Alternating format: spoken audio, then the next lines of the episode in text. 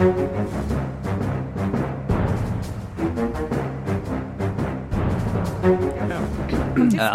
Nei, men Da ønsker vi velkommen til en ny Aftenpodden tilbake. Vi streiker ikke. Eh, Jeg er Lars Glomnes med Trine Eilertsen. Hallo. Hei, hei. Sara Sørheim. Hallo.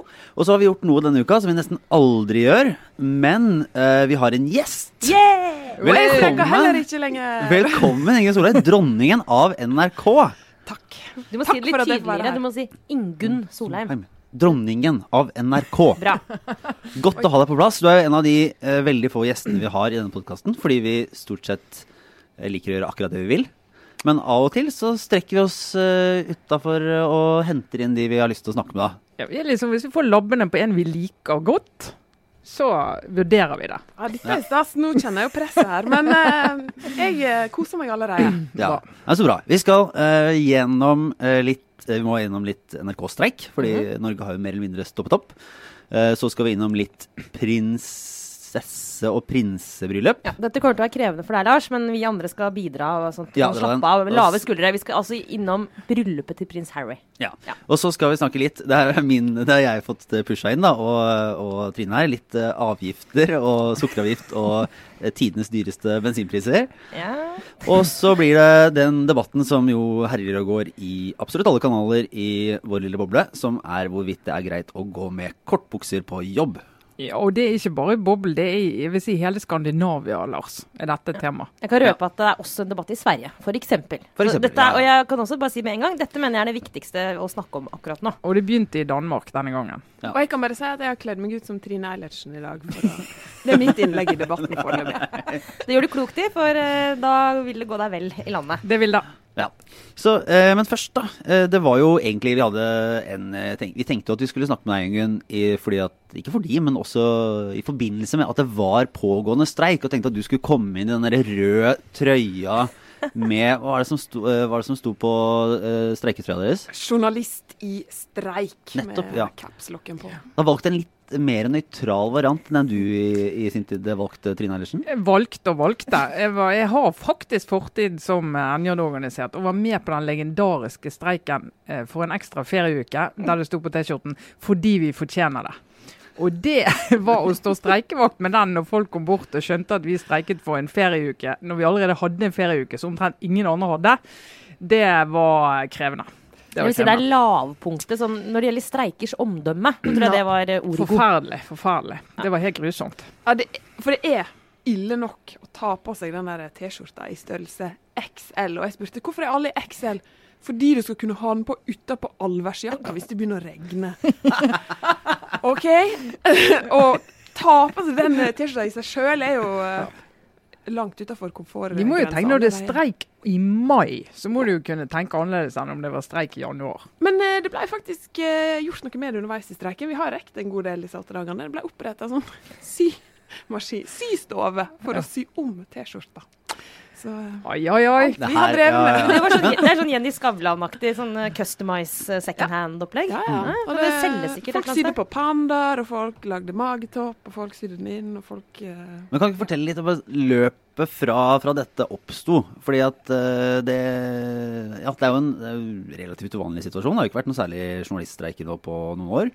Og det er jo ikke rart. For vi kommersielle medier, da, hvis vi streiker, så er jo vi over ut konkurs farvel. Så vi må bare slutte med det. Men Nei, NRK så redaktør, er det annerledes. redaktør Eilertsen kommer med sin uh, anmodning. Ja. Ja. Jeg er ikke enig, selvfølgelig. Så, sånn er det. Så her er det jo, her er jo Ingunn og uh, meg, da, som er folket. Eh, De som på en måte De som gjør et ærlig arbeid og ja. Ja. holder hjula i gang. Og så er det den, den, som, den utnyttende klasse i redaktørene uh, på hver vår side her. Det syns jeg var presist og nøytralt Ja, beskrevet. bare for å få satt Ja. det med en gang. Ja. Ja, men, hvordan var det liksom, når du gikk, gikk inn i det her? For det, det er jo en overgang å stå og være nøytral eh, debattleder til å uh, bli eh, en aktør. Ja, definitivt. Um, jeg, jeg, tror jeg oppsummerer med at jeg, jeg føler at jeg plutselig var i en uh, slags TV-serie der jeg var med i et politisk parti, med et eh, partiprogram som måtte bare pugge i full fart, og drev valgkamp. For det begynner jo veldig sånn jeg, Mener jeg det samme som, som de som har sagt at vi skal streike? Jeg er enig. Kan jeg gå ut og kreve uh, disse, dette lønnstiløyken. Hva med sykepleierne? Du er liksom I to dager var jeg litt sånn Litt sånn hashtag helheten. Hashtag helheten. Eh, og så, men så dras du jo inn i bobla eh, Altså, for det første, det første sånn Den første demoen, den var litt Den var litt tung. Det var litt Men så var litt sånn Pust med magen, eh, ropertene eh, og, dem, og disse her bannerne og rop og sånn. Det syns jeg var Første gangen var, var vanskelig. Men så dras du inn i bobla eh, og, og begynner å mene at ja, vi har gode poeng. Det er grunn til å streike. Det er Dette står det for. Og så blir det jo oppretta ulike grupper som skal jobbe, og vi endte jo en gjeng fra helt forskjellige avdelinger i NRK å sitte på en kafé og drive vårt eget lille sånn eh, PR-maskineri. Nå må vi komme på, nå må vi komme ut eh, med det det budskapet. Hva skjer hvis vi sier det? To steg fram her nå. Ja, Dere ble de folka som vi ellers liksom, De som prøver å få tak i oss ellers. Ja. Dere ble liksom, Plutselig havnet dere på andre siden og skulle få dette her ut i for Da var det sånn å ringe kollegaer da, og prøve å få liksom, saker om streiken. Men, men det kan jo ikke ha vært så vanskelig, for de er jo velvillige, veldig velvillige kollegaene i andre medier til dere. Ja, men så begynte ryktene å gå at eh, VG har på gang en ganske kritisk sak. De har søkt om innsyn i ditt og datt. Vi må eh, ligge foran der. Så vi, vi var Vi følte det ikke sånn fra innsida, uh, egentlig. Men Mm. um, Men kan bare dra bare helt, helt kort for de som ikke har måttet følge med. Bare sånn, det, hva var det som var Hva var det dere egentlig streika for? Tre ting.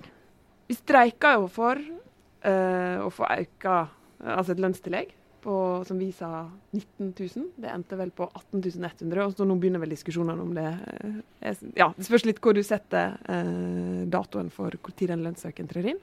Og så streika vi for å få på plass en sånn kompetanse altså At vi skal kunne få kompetanseutvikling på en ryddig måte. Eh, og så streika vi for tilkallingsvikarene. At de skal få samme lønn som de fast ansatte når de er på jobb. Ja, det siste der, da, hvis jeg bare skyte. vi, vi skal ikke kanskje gå inn i en sånn diskusjon om liksom, de kravene, eh, men eh, som mangeårig tilkallingsvikar, bl.a. i NRK, så må jeg bare si at det, det synes jeg var sånn, det, det var fint at man liksom, løftet opp akkurat den saken. Eh, for jeg husker veldig godt da jeg var med på en journaliststreik, den ene jeg har vært med på, eh, hvor et av kravene faktisk var den gangen også at vikarene skulle få bedre vilkår.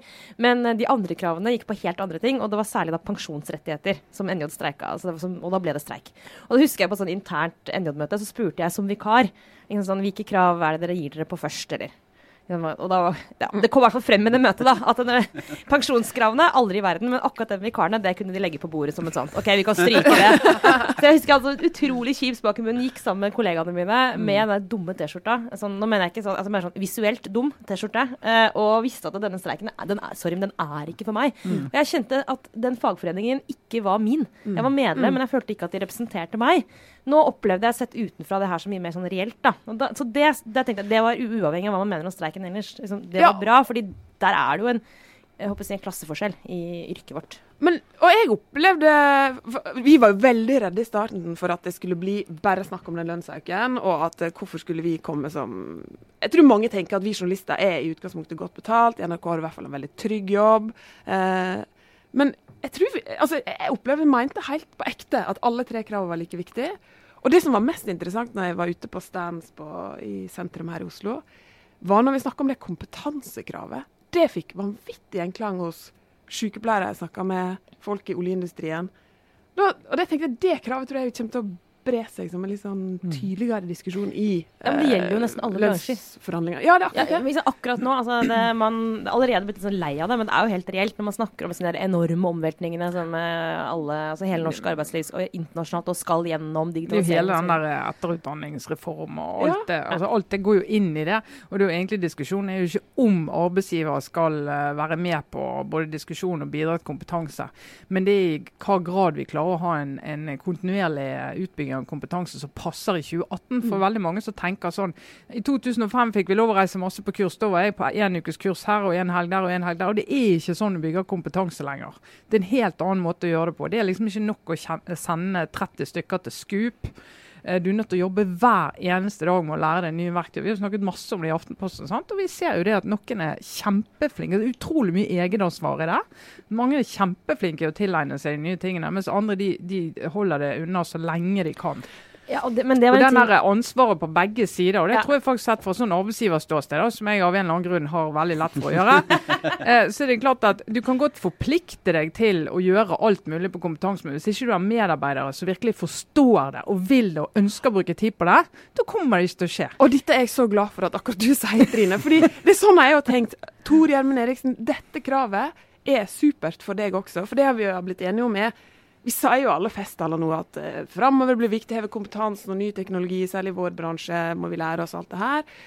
Men nå har vi blitt enige om at OK, hvis vi skal lære oss noe nytt, hvordan skal det skje? Vi må lage en plan. Det må være mulig å gjennomføre den kompetansehevinga ved siden av jobben du ellers gjør. Vi har fått rydda opp i det, Mm, og det mm. tror jeg det begge Det er veldig bra. det- Det, det, dette er utrolig viktig. Ja. Det er helt enig. Og ble, ja, og det var interessant at eh, det var en sykepleier som kom bort på stand og sa Altså, det er jo hver, Jeg får jo ikke dra på kurs uh, som jeg trenger. Så det kravet altså Jeg tror det er veldig sånn støtte i folket. Mm. Uh, jeg håper egentlig vi har gått litt sånn tydelig foran og konkretisert det. Om ikke annet så kan man i hvert fall uh, kan man regne med mye støtte blant andre journalister, eller hva, Trine? For det har du Ja, ja gjort men deg det må jeg tanker si jeg er på. Nå vet jeg erter på meg eh, alle kjenner som er i NJ. Nesten alle, i hvert fall. Uh, og sånn får det bare være. Fordi at vår, vår lojalitet er til leserne våre. Men nå mener du, når du sier vår, så mener du Vi som jobber i et mediehus. Eh, Vi som er journalister og redaktører i et mediehus. Vi snakker alltid om det. Lojaliteten skal ikke ligge liksom til annonsørene, til eierne, skal ligge hos leserne. Det skal være vår første prioritet. Og så, og det betyr bl.a. at du ikke skal flagge de fleste som jobber i sånn mediehus, vårt ståsted i for mange saker, fordi at du skal ha en eh, du skal ha en integritet og eh, signalisere en uavhengighet som er eh, reell, når du går inn i, inn i forskjellige problemstillinger. Og Da syns jeg det er problematisk når NJ-medlemmer i en haug med andre redaksjoner på Facebook og overalt bare massivt går inn og støtter eh, streiken i NRK. Jeg skjønner hvorfor de gjør det. Og jeg, altså, jeg har sympati med mye av det sjøl, det handler ikke om det. Det handler om at det gjør når andre lesere som ikke er i denne boblen i det hele tatt, ser det. Så må de spørre hvordan klarer de å dekke denne streiken balansert, uavhengig og relativt nøytralt, sånn som vi gjør med alle andre streiker, eller skal gjøre med alle andre streiker. Så var det lærerstreik, så gikk vi inn i det. Hadde det blitt streik nå i starten, måtte vi gått inn i det. Måtte vi gått inn på begge sider og sett kritisk på kravene. Måtte sett kritisk på gjennomsnittsberegninger av lønn. Vi måtte sett kritisk på det ledelsen gjorde.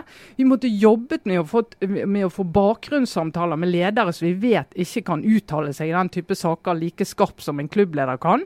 Det gjør vi ikke. Det har vi ikke gjort ordentlig.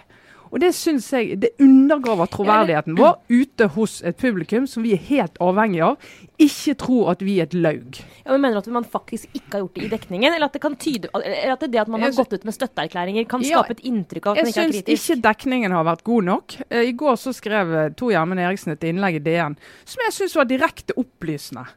Det kan godt hende han bløffer, det kan godt hende.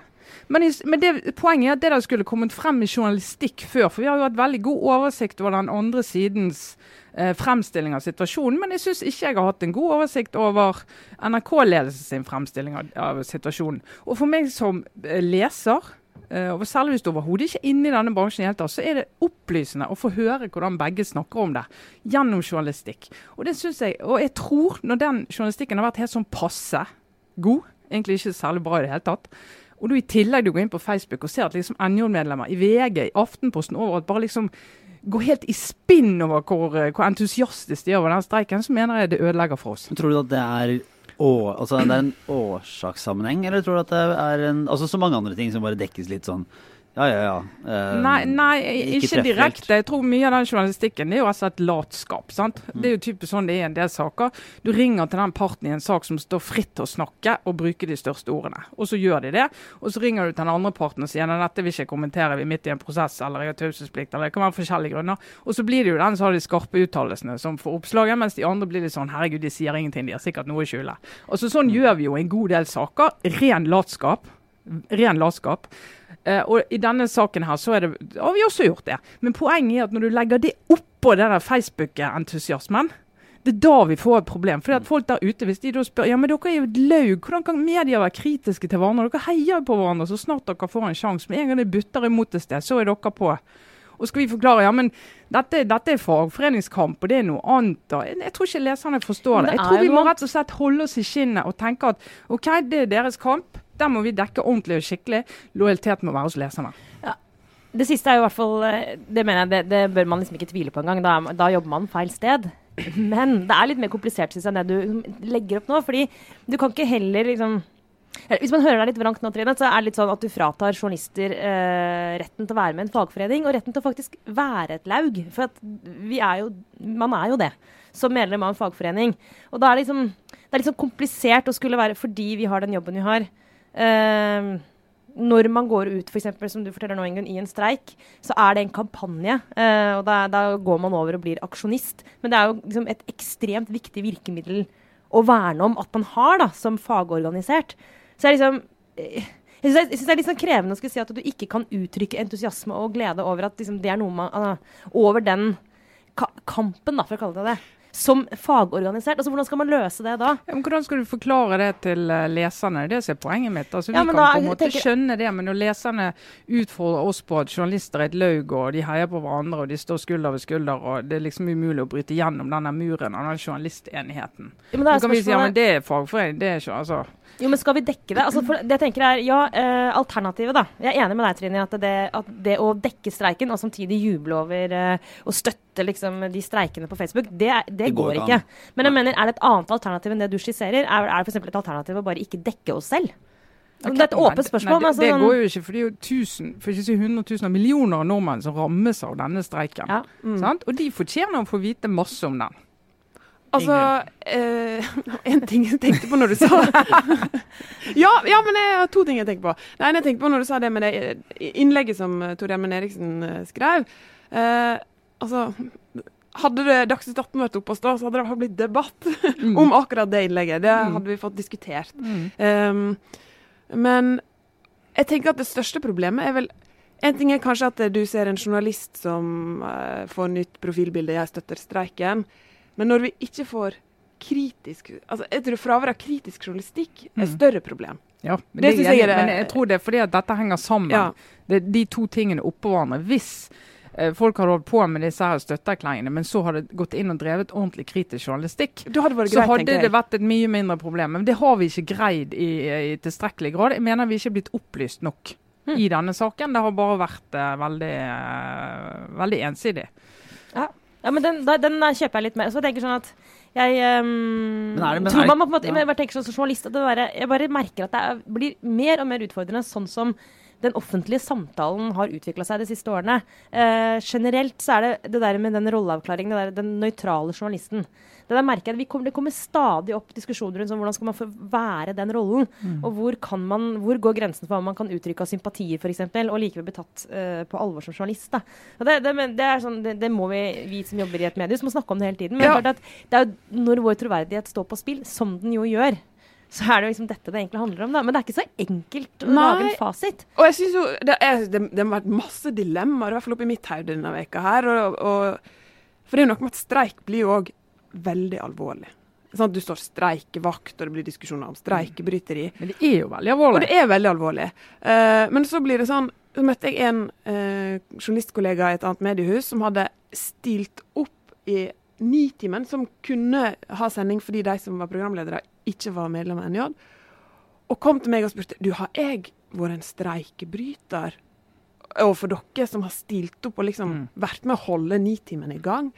Da tenkte jeg nå Nå bikka det litt. Men jeg, jeg sa til han nei, det syns jeg ikke du har vært. Mm. Altså, når det blir Det der gravalvoret kan Ja, ja, sånn da, ja, da må du på en måte si at, eh, at eh, da må journalisten i Aftenposten si at vi mener at eh, NRK ikke skal få lov å sitere våre saker under streiken. Så må du liksom ta den helt ut der, da. Ja. Si, for det vil vi ikke bidra til at de lager innhold i den situasjonen. Men altså, jeg, altså, jeg er jo overhodet ikke der at folk, journalister ikke skal få organisere seg, ikke skal få streike, ikke skal få lov å være solidariske. Men det som er, dette er jo en annen en del av den diskusjonen. Hvorfor må alt flagges offentlig hele tiden? Tiden. Hvorfor er det så viktig at verden får vite hva akkurat jeg syns om akkurat alle ting? Hvorfor er kan du ikke av og til si at det å være journalist det har en pris? Det har ufattelig mange fordeler. Det er derfor vi gjør det. Det er et av verdens deiligste yrker. Det er har også en pris. Det har også en pris. Og den prisen, ja, vi kan ikke ytre oss og mene oss om, om absolutt alt hele tiden. Men eh, nå, skal jeg, nå skal jeg huske det som uh, vi ofte har glemt. Fordi vi er jo, en, vi er jo det kommersielle medier, uh, Gunn. Så Ja, nå kan du oppleve faktisk, noe helt nytt. ja, fordi av, hvis, hvis ikke ting har endret seg veldig, så har vi en eh, annonse for et eller annet uh, gullende godt eh, som kommer her på et eller annet tidspunkt. Som ikke annenhver, som ikke skal anbefale på noe Skal spesifikt. spesifikt ha på uavhengigheten, da. Ja, ja, ja. Står på den, men så er vi da tilbake med uh, synsing om uh, og uh, dyptgående kunnskap om de uh, politiske og kulturelle konsekvensene av prinsebryllupet. Ja. Det er skrudd til som det er for Sara Sørheim. Og Trine Eilertsen. Dere da, nå, jeg vet ikke hvordan det er med deg, Ingunn, men Nei, altså, jeg har jo ikke eh, fått med meg dette prinsebryllupet, fordi eh, Det det gikk jo ikke på NRK. Jo da, det gjorde det. Men det er ikke lyd. streike- Ja, Uten lyd. Ja, det er sant. Men det er ikke streikebryteri å se på det på en annen kanal, håper jeg. Nei, jeg Eh, så det på BBC. Fordi dette har jo dere engasjert dere veldig i. Eh, ikke ja, Med det så både antyder jeg og klargjør jeg at det, jeg ikke har vært like Ja, og når du sier. Lars, Lars liksom har en sånn idé om at jeg og Trine har engasjert oss selv ekstremt i det bryllupet. Og det mener jeg, det, nei, det har, vi har vært helt det jeg mener er normalt interessert i det bryllupet. Mens du, Lars, lever jo i en sånn ignorant uh, verden hvor du er litt sånn «Ah, Er det så farlig, da? Og, og, og det er det som egentlig er det rare. For at det, dette er jo en hendelse liksom, langs mange akser. For det første er det bare som en sånn ren sånn eh, altså det, er, det er bare utrolig gøy å se alle disse kjendisene i alle disse utrolig kule kjolene. Altså På et helt sånn overfladisk nivå så er det en stor hendelse. Jeg vil ha bildekaruseller, liksom. Og hun eh, kona til George Clooney Nå er det veldig flaut. eh, Amal. Amal. Amal Clooney. Det, det er det jeg har notert på stikkordet i forberedelsen Ja. her. Kjolen til Amal Clooney.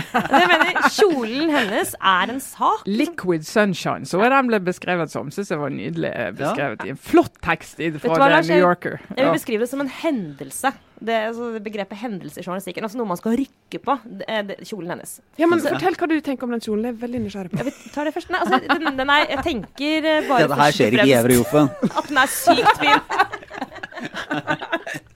Ja, Og jeg er tenker at det er kult at uh, hun har um, kledd seg i en kjole som er for det første veldig veldig fin, men det er også gøy at uh, George Clooney helt åpenbart liksom har kledd seg etter kona.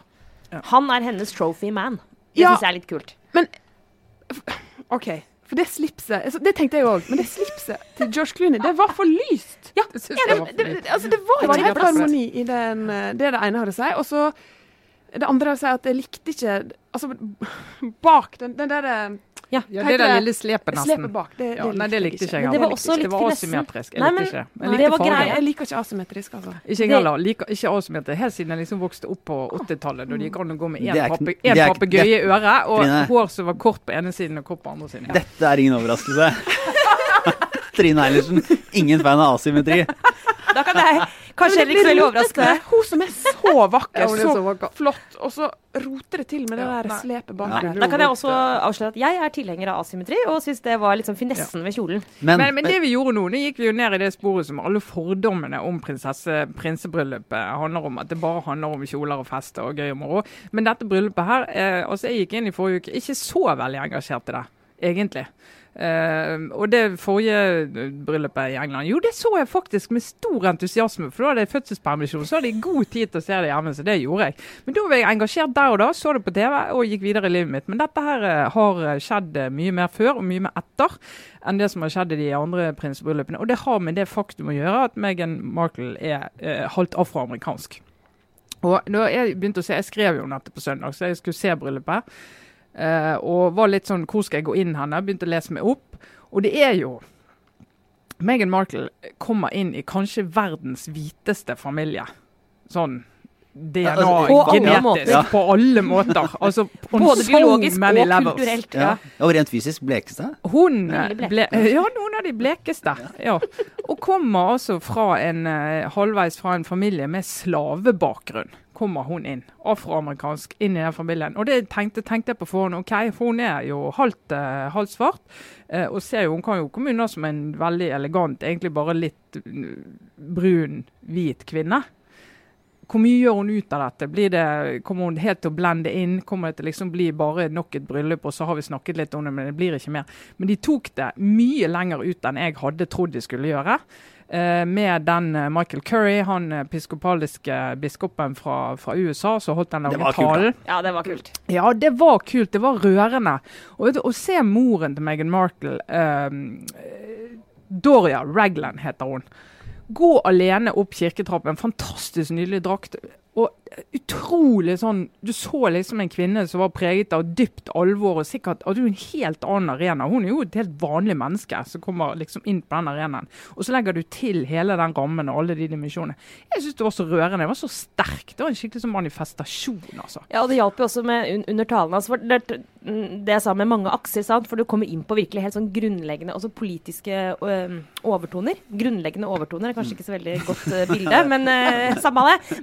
Men, men, eh, men eh, de innklippsbildene av de ulike ansiktsuttrykkene i rommet der under pastorens tale var jo også eh, både litt komiske, men også egentlig veldig, veldig, veldig sånn talende. Det var jo fantastisk. Eh, ja, og det, det sjokket, både sjokk, vantro, eh, men også litt sånn varme smil. Også litt sånn empatiske ansiktsuttrykk. Og noen som tror vi et u... Jeg vet ikke om det var bevisst, men noen med antydning til avsky. ja. Eller litt sånn sjokk. sjokk og vantro. Og bare hva er dette for noe? sant? For det, og det er gospelkoret, som var nydelig, men det er jo, det er jo helt helt annerledes i, i en sånn eh, setting. Men, men, Men, de men det, det, det som har vært interessant med det etterpå, for det er derfor dette bryllupet liksom varer lenger enn det forrige. For å lese kommentatorer, eh, afroamerikanske kommentatorer i USA og eh, i, i eh, Storbritannia, lese deres eh, analyser av det, og alle de legger utrolig mye, Og alle sier det. Dette betydde mye mer enn jeg trodde da vi gikk inn i det. Det ble mye mer enn vi trodde.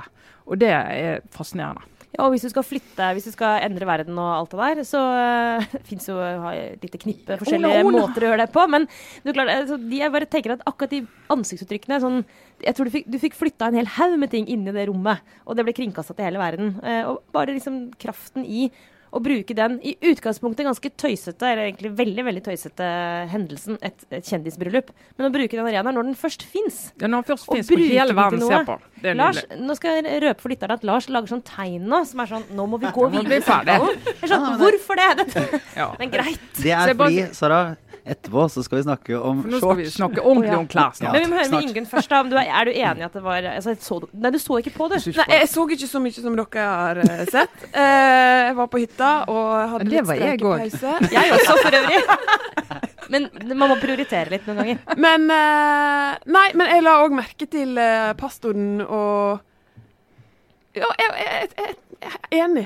Eh, jeg tror de klarte å gjøre det til noe større og bety mer betydning, betydningsfullt enn utgangspunktet kunne være. Og så, når vi først har det sånn, så Ja. tenker jeg at uh, vi heier på at de Bruk prøver. det noe nyttig. Gå inn og søk på hashtaggen black, black excellence og se på eh, kommentarene knyttet til det. Det er masse stolthet, altså. Som jo sånn jøss, det skjedde der ute.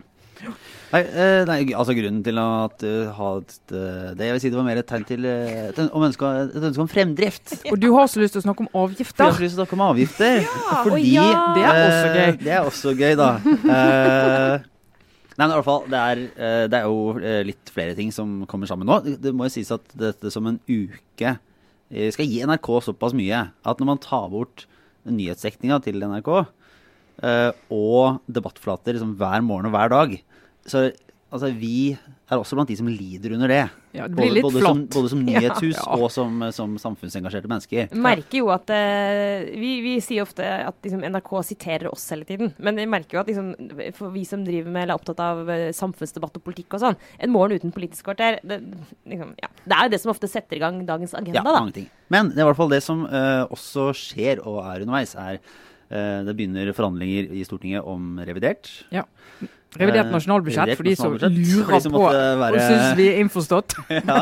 Eh, og Og hvis du lurer på hva revidert nasjonalbudsjett egentlig er, så Nei, da må du høre på en annen radioprogram. ja.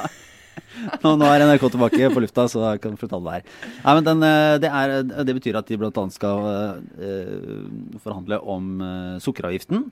Ja. Som jo er et interessant eh, tiltak fra en eh, regjering der Fremskrittspartiet er med.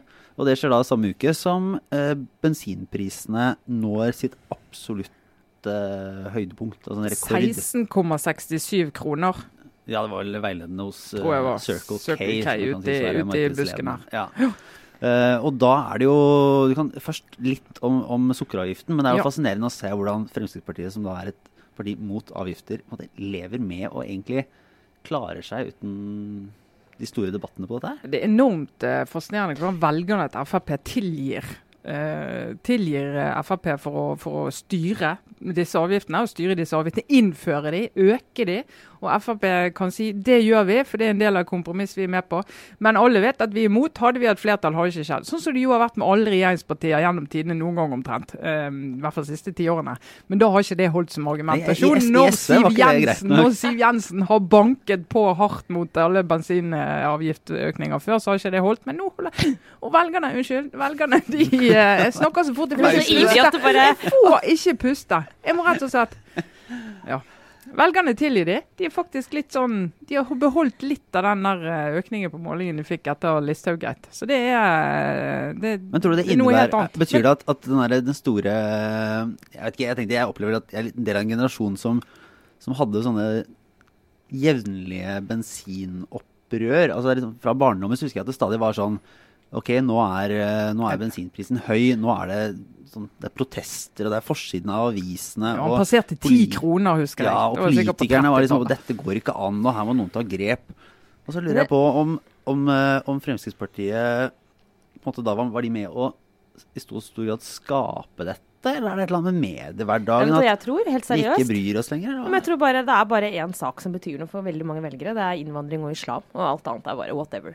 Jeg frykter at det er det som er. Avgifter her og der. Vi har så mye penger likevel at det er ikke så farlig om det koster 16 kroner. Altså, jeg bare begynner å lure på om det er sånn at Frp kommer unna med veldig mange andre saker så lenge, altså, oppslutningsmessig. Så lenge de bare er stødige på liksom, den, den eller de få sakene som nå liksom egentlig alt dreier seg om. Det er, er du skeptisk, Trine? Ja, det altså, bare fordi, begynner å få fordi de, styrer jo, de styrer jo på forlikspolitikk der òg. Altså, det er jo utspill det de går ut med når Jo, jo, de men at de utspillene er det som binder velgerne til masten? At Ja, det er er det den kommunikasjonen?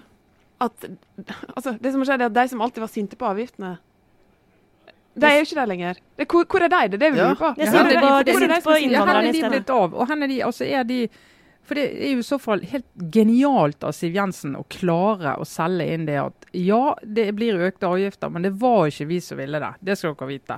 Og så, tenk, og så er deres reaksjon ikke men nå er vi skuffet over det, Siv Jensen. Det er ja, men da må jeg i hvert fall stemme Frp neste gang, og få alle vennene mine til å gjøre det samme, for da kan det kanskje skje noe. Men her ville vel eh, For det det de gjør, er det motsatte av å gå i den såkalte SV-fella.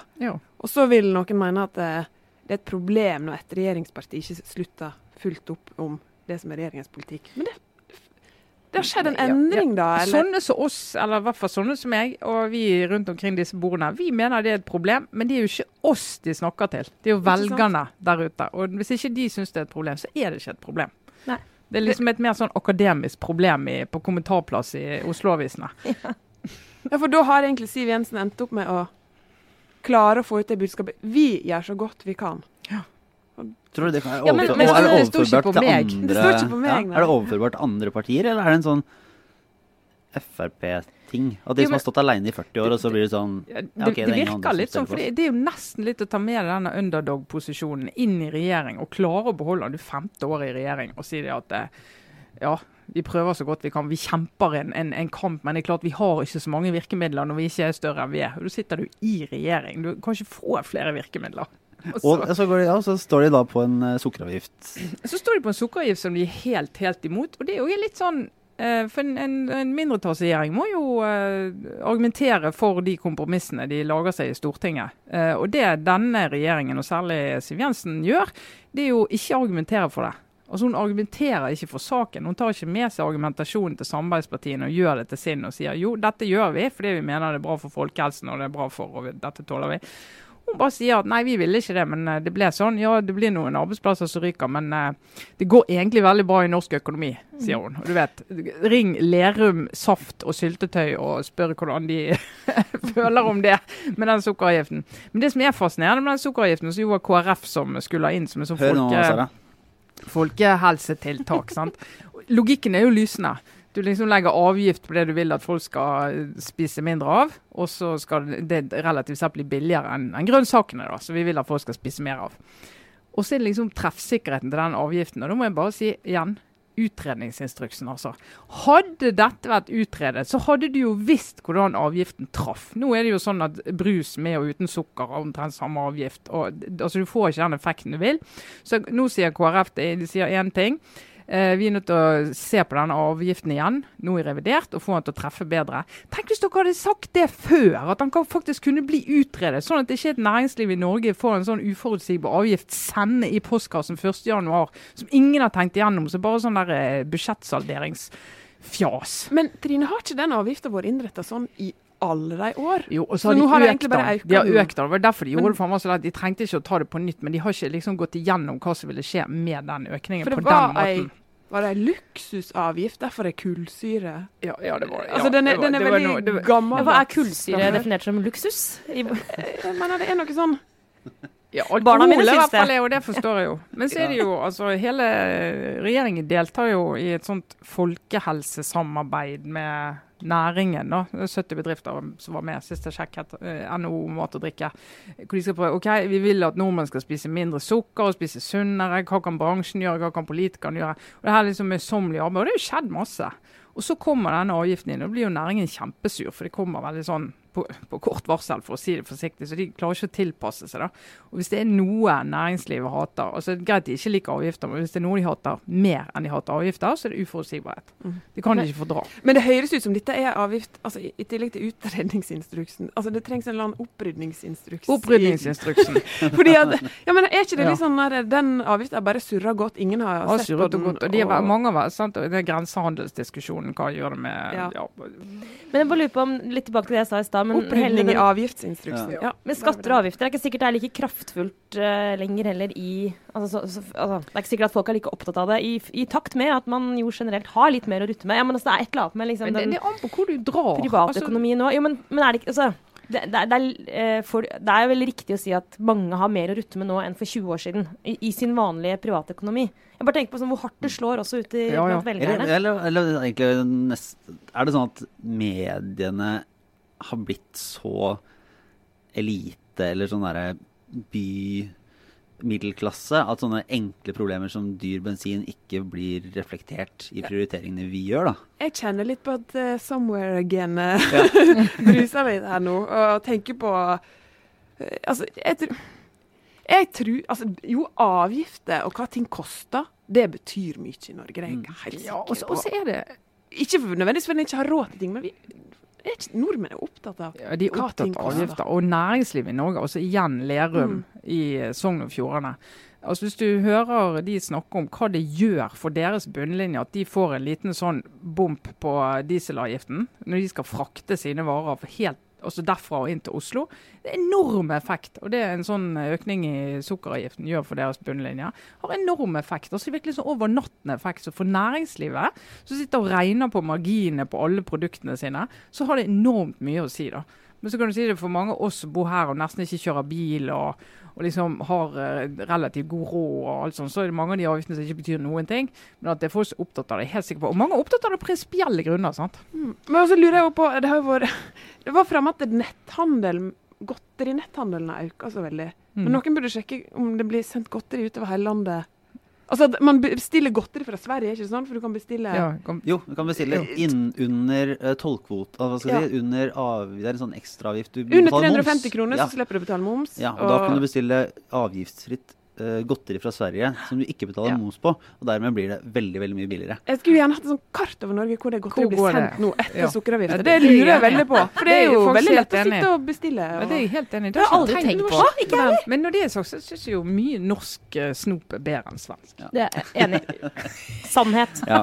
Men uh, det, som er, det som er delt uh, Vi må eh, få snakka ut om det her, for i går så, så sneiet deler av denne bitte lille redaksjonen uh, innom temaet shorts på jobb.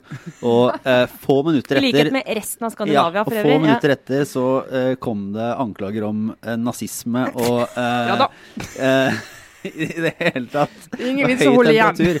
Så Det var fascisme, tror jeg, ikke nazisme. Det er litt Nei, det sto nazisme. ja. ja, det ble Det nazisme, nazisme, da du snakka med meg og fortalte om det her, i hvert fall. Da, Jeg har ble ikke skrevet det ned noe sted. Nei, nei, nei.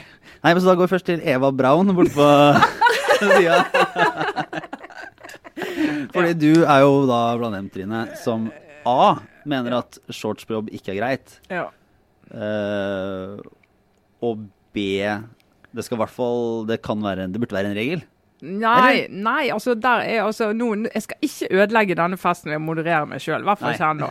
Men jeg må bare si, som hovedregel syns ikke folk skal gå i shorts på jobb. Eh, I vårt yrke, egentlig. Ikke i noen yrker, av respekt for de de jobber med, egentlig. Men eh, fordi at eh, vi har et yrke i, som i sin kjerne er sånn at du ikke helt vet alltid hvor du skal den dagen, hva du skal gjøre, hvem du skal møte. Og jeg syns at folk skal gå med, med klær som uh, tar hensyn til det. Og da syns jeg ikke shorts hører hjemme i det. Det kan du gå med til og fra jobb, du kan gjøre det på fritiden din, men trenger ikke gå med det på jobb. Vil jeg at vi skal skrive det ned i en regel, eller sende det som dekret fra sjefredaktørens kontor, som redaktøren i Jyllandsposten gjorde? Kanskje. Nei. Nei. Nei, det vil jeg ikke. For jeg kjenner mine kolleger og min eh, arbeidsplass så godt at da vet jeg at jeg har sannsynligvis blitt kjølhalt sløyd og hengt utfor terrassen i tiende etasje. Og mange vil mene med god grunn. Så det jeg har gjort før når jeg har hatt uh, den type myndighet, jeg har gått rundt på Tatt for meg enkeltpersoner. Sånn kan du ikke gå, vet du, på jobb. Går ikke det. Går ikke an å gå sånn. Ja, men det er så varmt, jeg skal gå hjem. Ja, men da får du skifte til du skal gå hjem. så det får du bare gjøre. Ja, Ser du på meg nå, Lars? Ja, ja, ja. nei, men så, jeg mener Jeg man må lurte på om jeg skille skulle ta mellom den ballen sjøl, eller bare ja, Nei, altså, jeg mener man må skille mellom uh, hva- som man selv Altså, uh, jeg mener estetisk sett. eh, altså, shorts på menn er, skal, det er, skal godt gjøres å komme unna med. Sånn estetisk, visuelt. Det, og jo kortere, jo verre, egentlig. Og sånn, det er bare men jeg, men jeg, Og jeg er også helt, helt, helt enig med Trine i at man i en del Altså, hvis man har et yrke som innebærer at man må representere eller gå ut i kundemøter. Så Eller må man møte kilder. faktisk i møte kilder, så må man ha med seg det i hodet når man kler seg for jobben og alt det der. Men det jeg bare, eh, det jeg bare merker at jeg er helt sånn jeg, det jeg ikke vil ha, er et sånt sånt regelverk sånn som, man kan, eh, sånn som henger i, i klasserom på skoler. Sånn her i klasse 2B. Rekker vi opp hånda før vi eh, snakker? Altså sånne reglementer. Altså sånn der, her i Det var den verste regelen Sara visste. Det har det alltid vært. Hater den regelen fortsatt. Ikke tilfeldig valgt Jeg gleder meg til å begynner begynne å jobbe, for da skal jeg aldri rekke opp hånden, tenkte Sara da. Jeg skal bli sjef, for da kan jeg bare prate helt av uten at noen ja. Nei, uh, nei men altså jeg bare kjenner, jeg bare kjenner sånn helt sånn grunnleggende motstand mot den tanken på å ha et sånt eh, regelverk jeg, som er sånn skrevet ut og liksom uh, distribuert. Som, for jeg synes at det, um, det handler om kultur, og kultur er tross alt noe som er Det er en dynamisk størrelse uh, som må få lov til å liksom, utvikle seg litt sånn organisk, da. Eh, Jeg har ikke lyst til å jobbe et sted hvor man har så strenge regler for hvordan man kan kle seg. Bare- Men er det ikke er det da det i Norge, da? meg vil Har ikke du, det sånn. Se ut av vinduet, det er nesten 30 grader. Vi har de dagene Det er bare fire-fem mann i løpet av et år. Kan ikke folk få gå i shorts, da? Vi kan alle liksom glede seg over å være et sånn uformelt land. Altså, det, jeg tenker at det er forskjell på shorts og kortbukse. Ja. Jo, jo, poenget er det. Uh, for shorts er jo Det kan jo være joggeshorts. Uh, kortbukse kan se greit. Hva er, hva er forskjellen? Nå, må jeg rykke. For der er det mye rart. For det, det du har de der dressbuksene faktisk, som Ja. går til kneet, og så jo ser veldig sånn ordentlig ut. Bortsett fra at det, det ser jo helt koko ut. Det ser ut som du går på sånn catwalken i Paris. Det er jo ingen som går med det på ordentlig. Jo, vet du hva, hvor de gjør det? Det? Jeg har sett det i virkeligheten. På Bermuda. Jeg tuller Ja, ikke. ja, men da, det skjønner jeg. For der er det, det veldig varmt, da. Men der Ja, har det de sånne, da jobber jo, det er jo mange banker borti der. Ja, og der er det jo varmt hele tiden. Da går de i ordentlig dress, bare at den slutter ved kne. Ja, men det, synes jeg, det kan jeg faktisk eh, se poenget med. For det er som å ha et skjørt eller en kjole til kneet. og liksom, det er ikke sånn. Da, da er det et, et poeng i det. Selv om jeg syns det ser rart ut her i Europa, altså. Det må jeg jo si. Ja, men jeg, jeg mener at vi må, vi må likebehandle. Men, men det Hvis- verste er de der buksene som du kan ta av i deler. Å, herregud. Men så et regelverk så, som ja, vet du faktisk hva? Glidelås skrevet midt ned. på låret, og så rett under kneet. Og så kommer det jo liksom med de. Da ser du ut som skal bryte ut i en ekspedisjon når som helst. Og da signaliserer du jo egentlig at du ikke vil ha jobb. Men er det ikke Men du har dere regler er på NRK? Da kan vi snakke campingplass. Ja, det er campingplass. Men på NRK, fins det regler der? Jeg bare, det lurer jeg helt genuint på. Nei, Er det og jeg Jeg må si at jeg lurer på om jeg kanskje At det hadde vært litt sånn deilig og forutsigbart hvis det fantes regler. For jeg Nettopp, har nettopp. ikke Jeg kan ikke, men nå var jo du sjef når du kunne gå bort. Men jeg har ofte hatt lyst til å si til kollegaer Du, de offroad-skoa der, tre, eh, hva det heter De skal ikke Altså, jeg har hatt Ja. lyst til å si det, men det Ja, kan kan, jo ikke. kan må det? Kan det, Det vil jo ikke være- være skille på jobb og fritid? Dette er, men dette her er interessant. Dette, uh, dette har du til og med skrevet om, uh, Trine. For det, det der med regler og hvordan man skal Altså det, det, Jeg skjønner det går an å argumentere for at hvis man hadde bare hatt helt helt tydelige regler om hvordan, hvordan skal vi kle oss, hvordan skal vi oppføre oss, så hadde man fått rydda unna masse sånn unødvendig føss, og Ja. folk var vitsen her OK, vært trygge. Likt for alle, eller Ja. klart for alle. Jeg møtte, jeg møtte en ganske ny kollega på vei Vi, er, vi har en konferanse i dag i Schibsted. eh, Og det, det skjer jo rett som det er. Eh, og den konferansen skal skli over i et kveldsarrangement. Så det er ganske sånn komplisert å skjønne hva man skal ha på seg. Særlig når det er som 27 varmegrader ute. Eh, jeg måtte sykle innom Filippa K på vei til konferansen, for jeg skjønte plutselig at jeg hadde valgt helt feil. Så jeg sitter nå i en splitter ny eh, kontorvennlig sommerkjole, kan jeg røpe. Men jeg møtte en yngre kollega, og hun sa faktisk på vei inn Eh, ah, det var så vanskelig å vite hva jeg skulle ha på meg i dag. Og jeg kjenner ikke liksom, uh, Skipsted godt nok til å vite akkurat hva som er koden her. For hun kom fra en annen bransje, og da var det veldig tydelig, liksom. Og her vil tydeligvis ledelsen at man skal gå i sånne brune skjorter og så marsjere inn på jobb. Men jeg skjønner jo at hun, var- for henne ville hun ville spart energi da, på vei til jobben. Hvis hun bare kunne slå på side fire i liksom, jobbbibelen og Nei, men se Det er jo sånn skapt fordi at det finnes sånne eh, strenge folk som ser stygt på de som velger å ta på seg noe som er nei, det, det, litt unormalt. det Det, det, det hadde ikke vært så ille hvis ikke folk kom bort og sa ta av deg de skoa, eller kan ikke du liksom skjerpe deg og få på deg bukse? Kan ikke du se ut som folk? Ja. Det er ikke nei, rart folk blir Men ville du hatt en sånt sånn bibel, Trine? Nei, nei, det ville jeg ikke. Men, eh, og det er jo, i, vår, I vårt miljø må vi klare å snakke oss sammen om dette. Og Alle er fra samme kultur, og vi er på å si monokultur de luxe.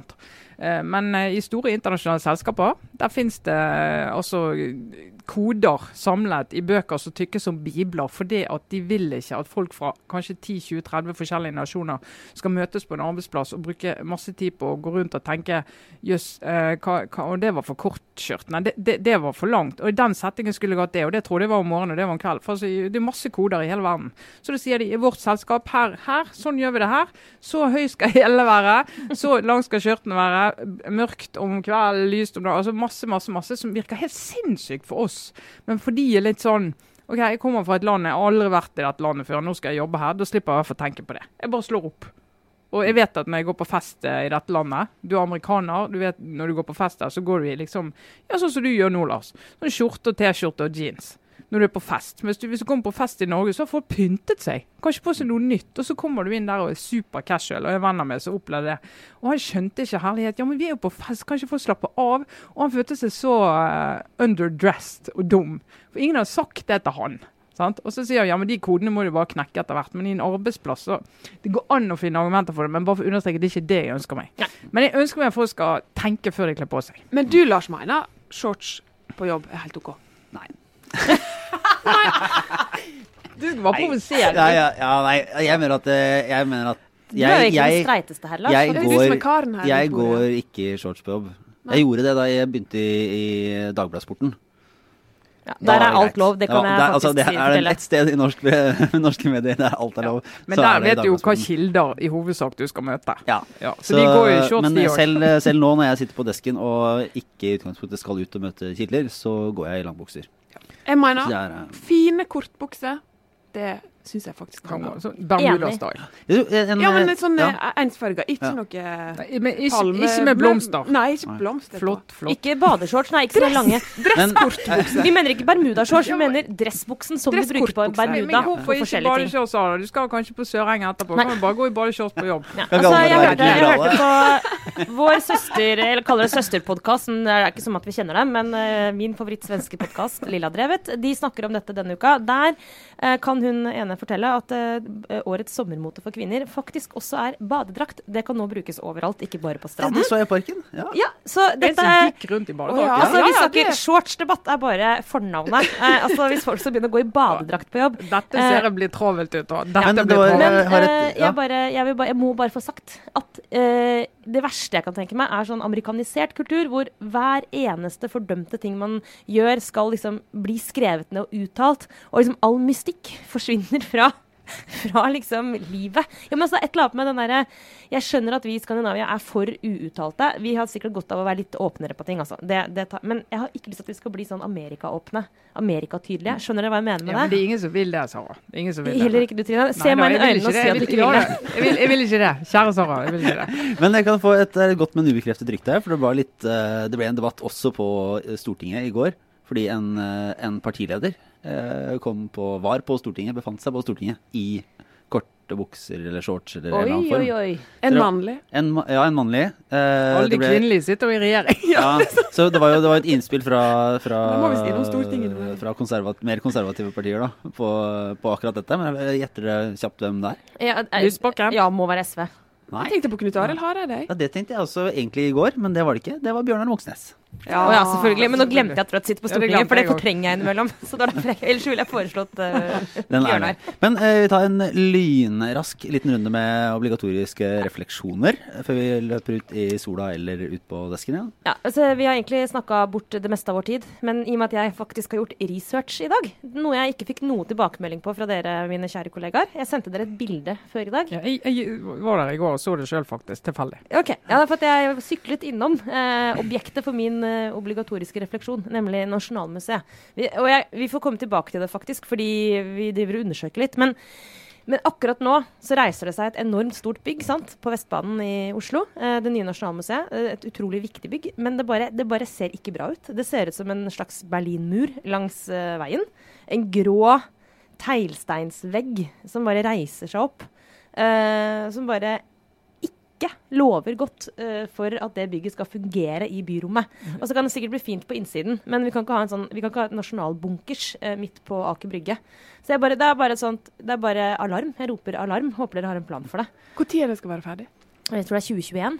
Så det er jo stikk igjen. Altså, men det, men det er Ikke inviterende et ikke-inviterende bygg som står liksom med ryggen mot omgivelsene, og som skaper en skikkelig kjip stemning på et sted i Oslo som egentlig er veldig vellykka. Hvor du har den åpne rådhusplassen og masse folk som går rundt. Og det siste jeg vil for sånne kulturbygg, da er jo, Det er jo faktisk my day job å bry meg om eh, norsk kultur og kulturpolitikk og institusjonene våre.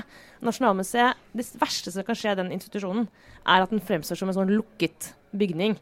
Eh, både rent fysisk, men selvfølgelig også kanskje enda mer sånn hvordan de kommuniserer med omverdenen. Da. Det skal være et sted for alle. Det bare ser ikke ut som om det bygget kommer til å invitere til det. Altså, det syns jeg er litt bekymringsfullt. Så da er liksom, det er litt sånn kulturkjerringbekymra, rett og Ja, det er veldig bra. veldig bra Sara. Kler deg. Nei, altså Min obligatoriske refleksjon er en, eh, er en eh, tilsvar til eh, Sara i forrige uke. Jeg har fått klager, og godt begrunnede klager fra uh, kjernelytterne. Eh, som da Sara kunne fortelle at hun hadde vært på venninnetur på fjorden og, og marinert seg i hvitvin og satt og snakket om hvor hjelpeløse menn er. At de ikke engang klarer å vite at ungen skal med seg solkrem til barnehagen, og de vet ikke hvor sommertøyet er, og de vet liksom ingenting. Og disse her kvinner er bare mye flinkere enn menn. Eh, Og hva er galt med det? dette har jeg fått også sterk reaksjon på. Så tenkte jeg ja, men ja, du, det kan jo jeg snakke om. Men så kom Jon Helgheim. Drammens store sønn. FrPs eh, innvandringspolitiske og kanskje til og med likestillingspolitiske talsmann, hva vet jeg. Han eh, har skrevet på Facebook at uh, det ligger, altså For kvinner så er det biologisk drevet at de jobber mindre enn menn. At De jobber mer deltid og de er mer syke. Her snakker vi om biologi. Så må vi slutte med sånn kvotering og politikk og alt sånt. Det ligger i de. Det er ikke noe å gjøre med. Eh, og det er jo litt samme logikk, Sarap, som på disse oh, her mennene du snakker om. De er så hjelpeløse. Det er på en måte ikke noe å gjøre med. Så det er bare kvinner må holde på. Men disse mennene her, de kommer aldri til å huske solkrem. Og det er jo ikke riktig. Det er jo ikke riktig. Akkurat like riktig som uh, Helgheim Uh, sin Altså, resonnement. Jeg jeg tror det er verre å bli satt i Helgheim-skammekroken av Eilertsen enn å få en liten sånn Du kan ikke gå kledd sånn. Altså, hvis jeg må velge, så foretrekker jeg sånn få på deg litt lange bukser, din slamp. Eh, en sånn Du er akkurat som Jon Helgheim. Han, eh, en talsperson for biologisk determinisme. Ja, og i og med at det var min obligatoriske refleksjon, så får ikke hun svar. Nei. Det er helt korrekt. Inge Solheim, Ja, nå som du er Altså- tilbake fra streiken. det er det jeg er jo liksom driver og klam... Kommer, ruller meg ut av streiktåka, holdt jeg på å si. Uh, nei, det jeg eh, tenkte mye på i streiken, og vi, som vi ikke fikk fullført som et lite prosjekt vi hadde, Uh, det var uh, Eller det er uh, sannheten om disse her Og det er mange damer som jobber i NRK Super, som lager det vår kjære kringkastingssjef Tor Gjermund Eriksen skryter av og er stolt over, disse verdensklasse pro produkter, heter det vel ikke, men ja. Eh, sendinger og de serier eh, som vinner Emmy. Vi snakker om jenter, vi snakker om skam, vi snakker om alt det som går ut på Super, NRK Super-appen. og de tjener sjukt dårlig. De ligger lavt. Og mange, altså, flere av de tjente mer med 700 kroner pluss 100 kroner per barn i streikebidrag under streiken enn de hadde i lønn. Og Det var en historie vi hadde lyst til å få, få fram. Fra det lille PR Fra det lille Ja, ja. PR-hjørnet på en kafé i Oslo. Og så tenkte vi åh, hvis vi får med oss Julie om dem Altså Skam-Julie. Sk Altså hun som har skrevet og laga Skam. Som har jobba i Super, lagde jenter før. Får hun til å eh, uttale seg og hekte seg på den historien der, da, da, eier vi forsida i VG i morgen, liksom. Og du vet sånne spinnfolk får den følelsen sånn Å, det her blir oppslag i VG. Ja, det var litt da sånn, vet vi eh, hvordan de blir. De blir jo ganske relativt gira. Bare, dette, dette her er kanskje Sigbjørn Aanes topp en gang. Liksom. Den følelsen når du er i tåka. Nei, og så eh, Julie er da på innspilling av eh, Skam Austin i USA. Har permisjon fra NRK nå. Og vi har liksom tidssone og sånn, får tak i henne. Fikk til slutt eh, kontakt med henne om hun ville være med. Uh, og så er det bare så inderlig irriterende å sitte og tenke på at når Julie da sa ja, jeg er med, og leverte et gullegodt sitat som virkelig hadde eid forsida av VG, så skjedde det bare ti minutter for seint, for streiken var over. Ah, Så hadde jeg vært enig Jeg hadde seriøst vurdert Bare å spart det streike. til Nei, neste bare streike en dag Streik til. en halvtime til. Streik litt til. Og så bare få Fordi alle vi som har prøvd å få intervju med Julie Andem, vet at å få ut ett sitat av henne, det, det er litt av en jobb. Men å få det som støtte for altså, prosjektet deres, nei, det var det, det, Ja, altså, og den viktige biten av det er damene som lager alt det fine barne-TV og ungdomsseriene. De må vi heie litt videre på. Fordi Det kan jeg stille meg bak. en eh, utrolig flink gjeng. De vinner Emmy. Det, Vi trenger det. helt enig. Helt Ja. enig. Jeg kan eh, egentlig bare kjapt eh, avrunde med en Ja, det er faktisk jeg er ikke sånn helt det kom, Jeg vet ikke om det ender med en kjempevarm anbefaling, eller bare artig å se. Men jeg ser den franske uh, Den franske TV-serien Le Byrå. Nei, ja.